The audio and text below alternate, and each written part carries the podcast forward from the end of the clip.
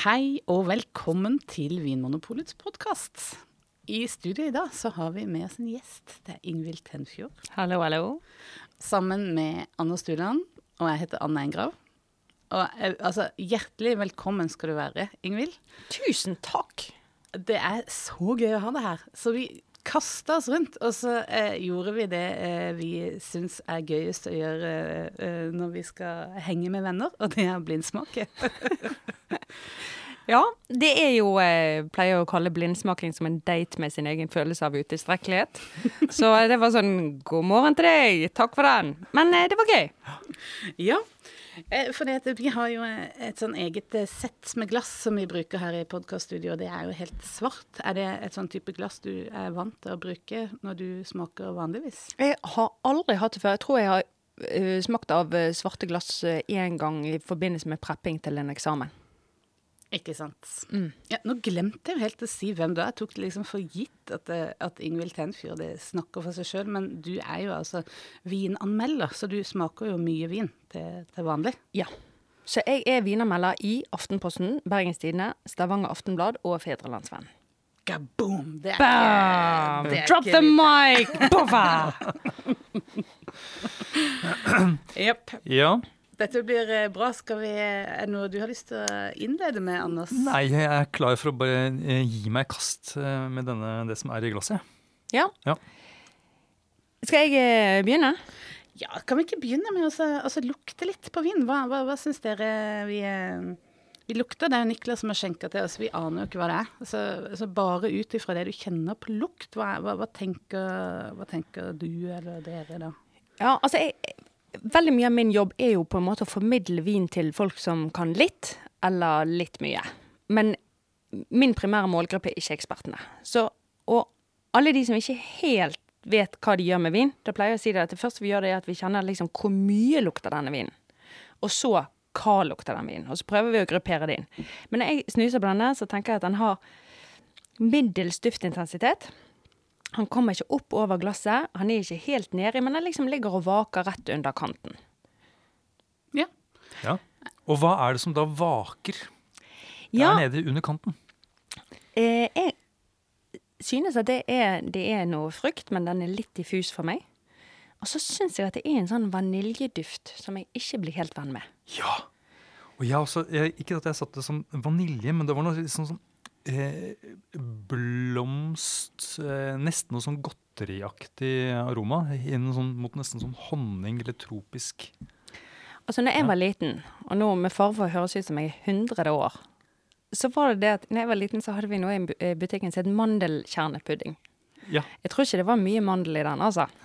Men der var det, der var det en litt sånn vaniljeduft og litt sånn mandelessens.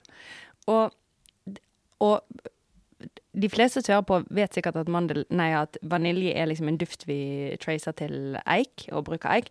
Men det finnes mye digg vaniljeduft. altså Vaniljestang, altså en sånn ah, raffinert duft. Men jeg synes ikke at dette er en raffinert vaniljeduft. Nei, jeg, jeg fikk faktisk litt sånn assosiasjoner til tørrfòr. Altså, men altså Til dyr, altså dyre... Til dyremat. Dyrefor, ja. Men altså, eh, det hørtes jo veldig negativt ut, da. Men eh, jeg tenker også på sånn, sånne blomster som eh, lukter eh, Potpurri? Nei, ikke potpurri, men sånn derre eh, OK, da ble det slått slåss på hvem som er eldst her i rommet. Alle vet vel hva potpurri er? Nei. jo da, du vil ikke innrømme det. Altså, den der eh, trenden med potpourri og tørkede blomster, den sluttet i Ja. 1992. Ja, den kommer tilbake. Banna bein. Bare- potpurri. Next big thing. ja, men det var ikke potpurri du tenkte på, det var hu- hundekjeks. Hundekjeks. Skjermplantefamilien. Nettopp. Altså, det er botanikeren som snakker. Men det er jo ikke en blomsterlukt som er hva skal jeg si, det som man forbinder med blomsterlukt sånn Det er ikke rose, når liksom. folk snakker om blomster. Nei. Det er jo dette mer hva skal jeg si, nesten sånn eh, litt sånn gammel gulost. Ja. Ostepoparoma, nesten. Jeg, jeg tror vi, vi høres ikke sånn kjempepositive ut. Skal vi ikke smake, og så se om vi, vi kommer noe nærmere?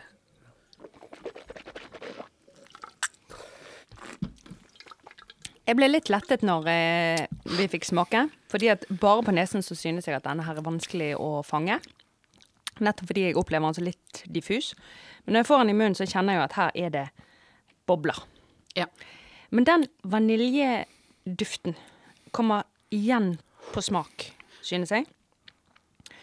Eh, og igjen, det, det er en sånn eikeassosiasjon, men jeg opplever den ikke som særlig raffinert. Og så eh, Kan jeg bare fortsette å snakke, eller? Ja. ja.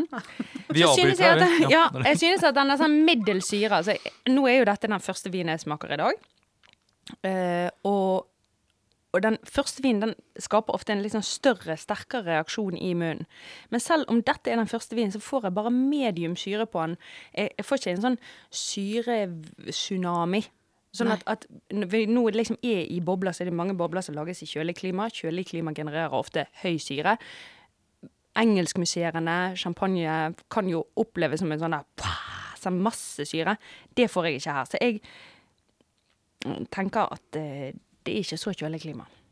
Ja. Jeg reagerte også på det med syre. Eh, at det er Jeg kalte det middels syre. Eh, det var vel det samme som du, faktisk. Og det er litt uvanlig når det er musserende, for det tenker jeg ofte er høyere syre. eh, uansett klima, nesten, fordi det høstes tidligere, og at det er liksom ment til å være en veldig sånn frisk vin. Mm. Og det er jo for så vidt friskt. All vin er jo på en måte har jo en del eh, syrlighet. Og dette er kanskje blant da sånn lavere sjiktet når det gjelder musserende, når det gjelder syre.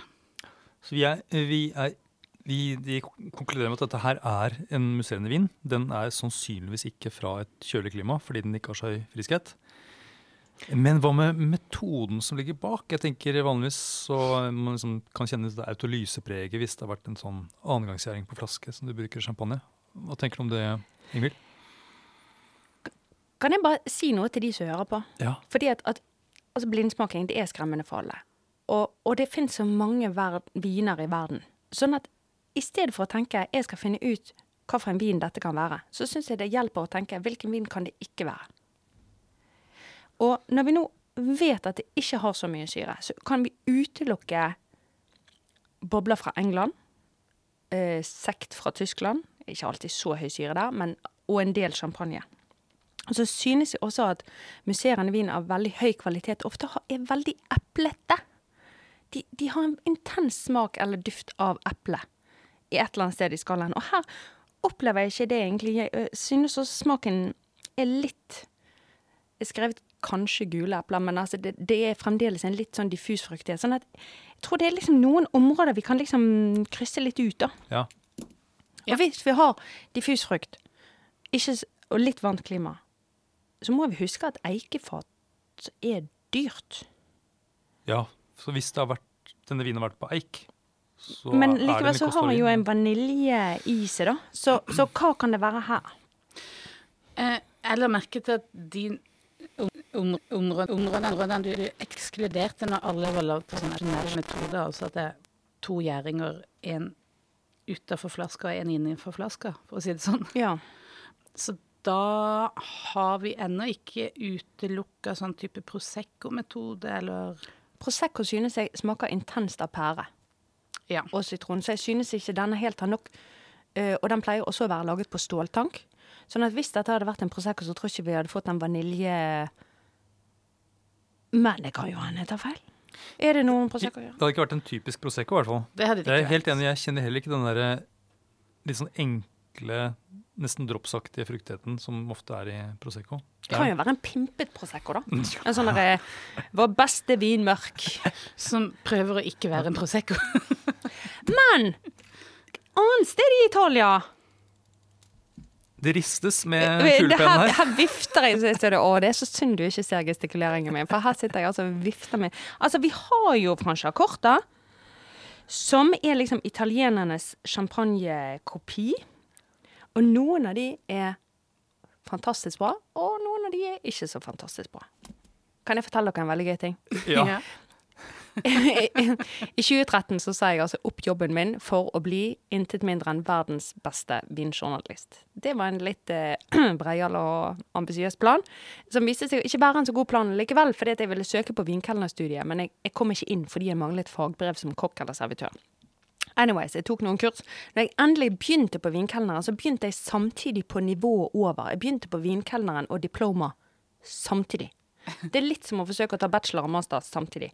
Og da kom jeg inn på diploma, denne superklassen.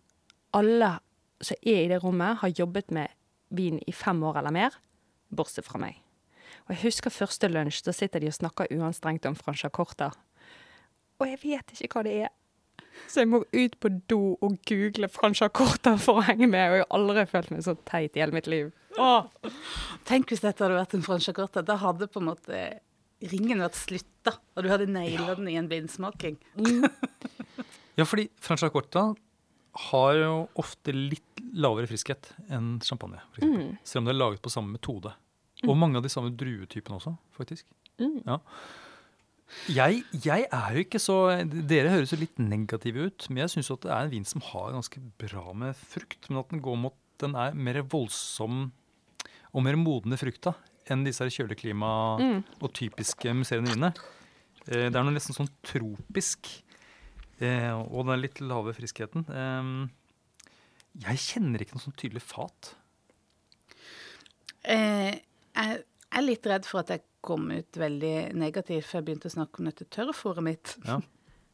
Men eh, det handler om Det pleier ikke å være en god karakteristikk av en vin. Tørrfôr og middels syre, det er liksom kanskje ikke sånn høykvalitetsvin vanligvis.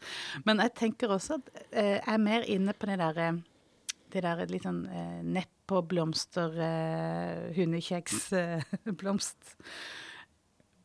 enn Jeg vet ikke om det er vanilje. Det er noe, sånn, det er noe litt utydelig. Og så er det jo det at han har en litt sånn lis-fylde også. Mm. Altså, altså at han har ligget på bunnfallet. Når vi sier lis og bunnfall, så er det altså da gjærceller som har omdannet sukkeret til alkohol.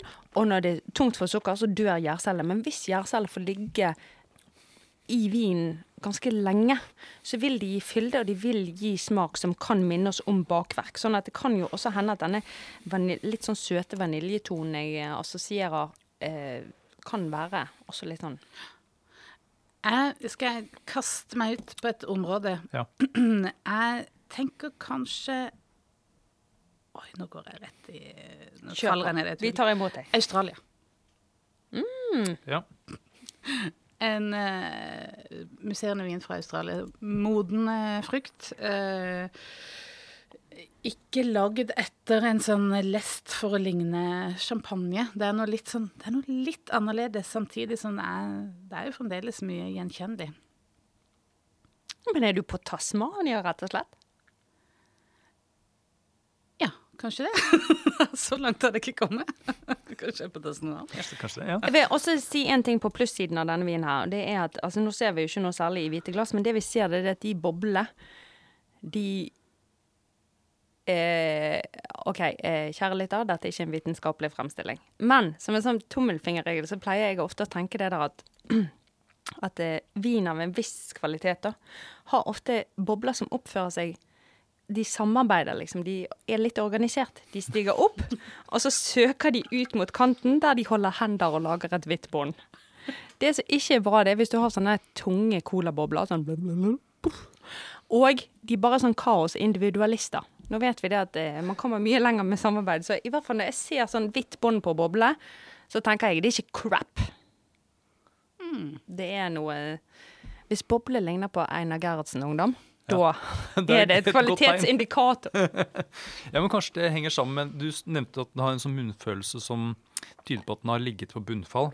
At det også kan bidra med hvordan boblene oppfører seg. Hva tror du det, Anders? Nei, jeg, også, jeg tror det er en uh, museene laget på tradisjonell metode. Den er for aromatisk til å være en, en cava. Uh, jeg kunne sagt altså sånn varmere klima. Det kunne f.eks. vært en sørafrikansk Ja. museen i vin. Ellers så er den såpass aromatisk at jeg kunne sagt at det var en, kanskje en Til og med en sekt altså fra Østerrike, eller noe, men det er den med friskheten som mangler her. Men kan den friskheten være litt sånn fordekt bak litt sødme? Nei, den er helt tørr. Jeg har tatt sødme to, så litt sødme, men det er ikke Ja. mye. Ja, for vi har jo hatt noe sånn sekt på noe sånn Grüner Veltlin og sånn, som har vært litt sånn annerledes aromatisk. Og så Men jeg opplever at de har en annen tyngde. Ja. Eh, og, og det hadde jo vært kjekt om jeg klarte å beskrive bedre, men jeg, med Sør-Afrika Unnskyld. Jeg er Ikke korona, jeg bare satte litt vann i halsen. Jo, men eh, Sør-Afrika resonnerer bra hos meg. Jeg syns ikke heller det var så dumt. Det hadde vært gøy hvis det var det. Okay. Hva tror du da, Ingvild? Holder du på franchakata? Det pleier å være Altså, altså det som er dumt med å holde på franchakorta, er at per definisjon er dette veldig bra viner. Men når jeg smaker gjennom, så synes jeg at kvaliteten spriker litt vel mye. Eh, så jeg utelukker det ikke.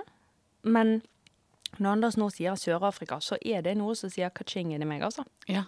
Det er ofte sånn andre sier sånn Nei, nei, nei, nei, nei, nei, nei, det skal jeg ikke også ha på meg. altså. Fordi hvis jeg leder dere nå ut på um, Ofte så er liksom det første innfallet kan også være uh, en, en fin ting. Skal vi bare avsløre, eller? La oss Ja, avsløre. jeg, jeg tipper altså rundt 200 kroner, Ja. tenker jeg, sånn prismessig. Det koster jo fort 150 kroner oppover for museene i Wien. Det er jo en del arbeid. Jeg ønsker å avstå fra å si pris, Ja. fordi at dette er så områdeavhengig. Ja. Så hvis vi til og med liksom har valgt feil verdensdel, så går ikke det an å tippe. Ja. Og uansett så er det billigere på taxfree. Nei da, bare tuller. Vil du hente